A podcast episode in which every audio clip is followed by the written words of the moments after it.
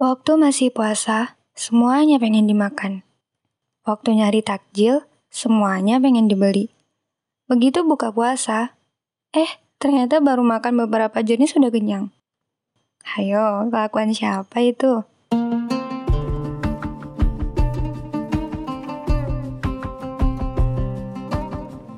Assalamualaikum, hai, aku Zizi. Ketemu lagi di Takjil hari ini, podcast persembahan Kukila, untuk nemenin kamu nungguin puasa selama Ramadan. Sepanjang bulan Ramadan ini, kamu inget gak sih berapa kali kamu buka puasa sampai kekenyangan? Iya, definisi gak bisa gerak gara-gara perut kamu penuh sekali. Padahal harus ngejar sholat maghrib yang waktunya singkat.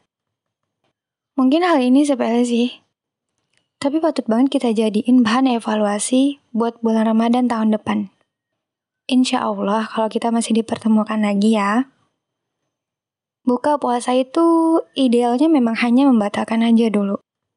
Bukan makan besar, apalagi sampai memakan semua makanan yang ada. Karena setelah buka puasa, ibadah kita masih belum berakhir.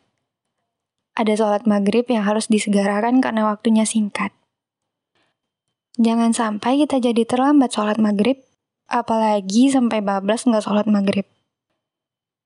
Karena asik makan atau karena kita nggak sanggup berdiri akibat terlalu kenyang. Terus setelah itu kita juga harus siap-siap lagi untuk sholat isya dan tarawih.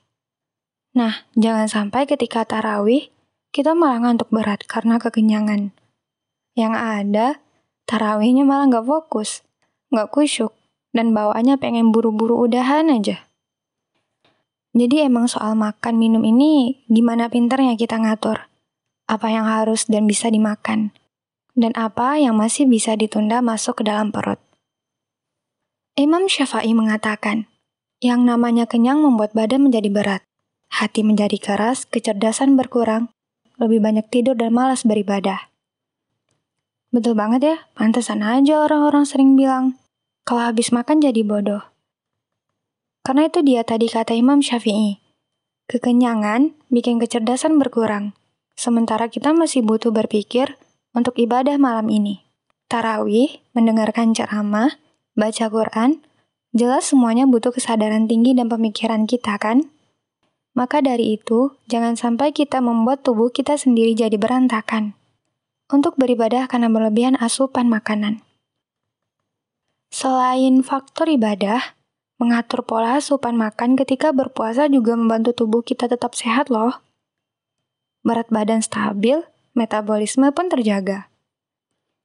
Kalau berat badanmu justru meningkat pesat sepanjang puasa, wah, berarti sudah pasti ada yang salah dari pola berbuka puasa kamu nih.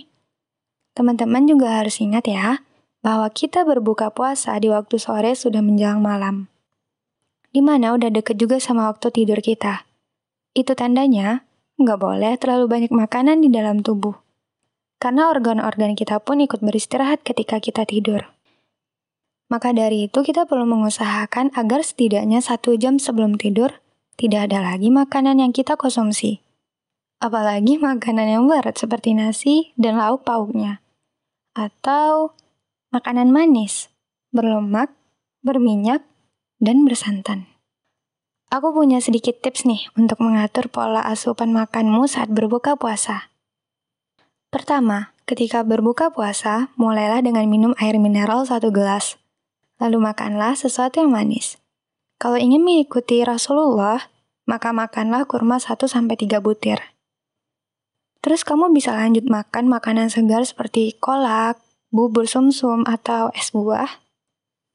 Kedua, bisa dilanjut dengan makan makanan yang berat seperti nasi dan lauk pauknya dengan porsi yang secukupnya. Nggak perlu berlebihan. Karena kamu puasa 13 jam. Bukan berarti kamu jadi harus makan tiga piring kok. Ukuran lambung kita masih tetap sama sekalipun kita puasa. Jadi, cukup ambil makanan berat seperti biasanya aja ya. Kalau kamu dan keluarga kamu bukan tipe yang makan nasi saat berbuka puasa, maka kamu bisa ganti dengan makanan berat lainnya. Yang paling penting adalah perbanyak asupan protein ya. Dan untuk karbohidrat secukupnya aja. Karena karbohidrat adalah salah satu pemicu peningkatan berat badan juga. Nah, ketiga, setelah kamu makan berat nih, maka bergegaslah sholat maghrib, baca Quran, sholat isya hingga terawih. Barulah setelah terawih kalau kamu masih lapar, kamu bisa makan makanan penutup. Misalnya buah-buahan, minum jus, puding, atau agar-agar juga boleh kok. Jangan makan lagi yang berat-berat, karena sebentar lagi kamu bakal tidur. Kalau kamu mau makan banyak lagi, kamu bisa bangun sahur lebih cepat dan makan di waktu tersebut. Nah, pada intinya, kita hanya perlu membuat agar perut kita tidak lagi bunyi-bunyi karena kelaparan atau sakit. Karena sering kali yang ingin makan banyak itu hawa nafsu kita aja. Keinginan semata bukan benar-benar kebutuhan. Kamu pasti tahu istilah lapar mata kan? Ya begitulah. Harus pintar-pintar ngontrol diri dengan makanan ya.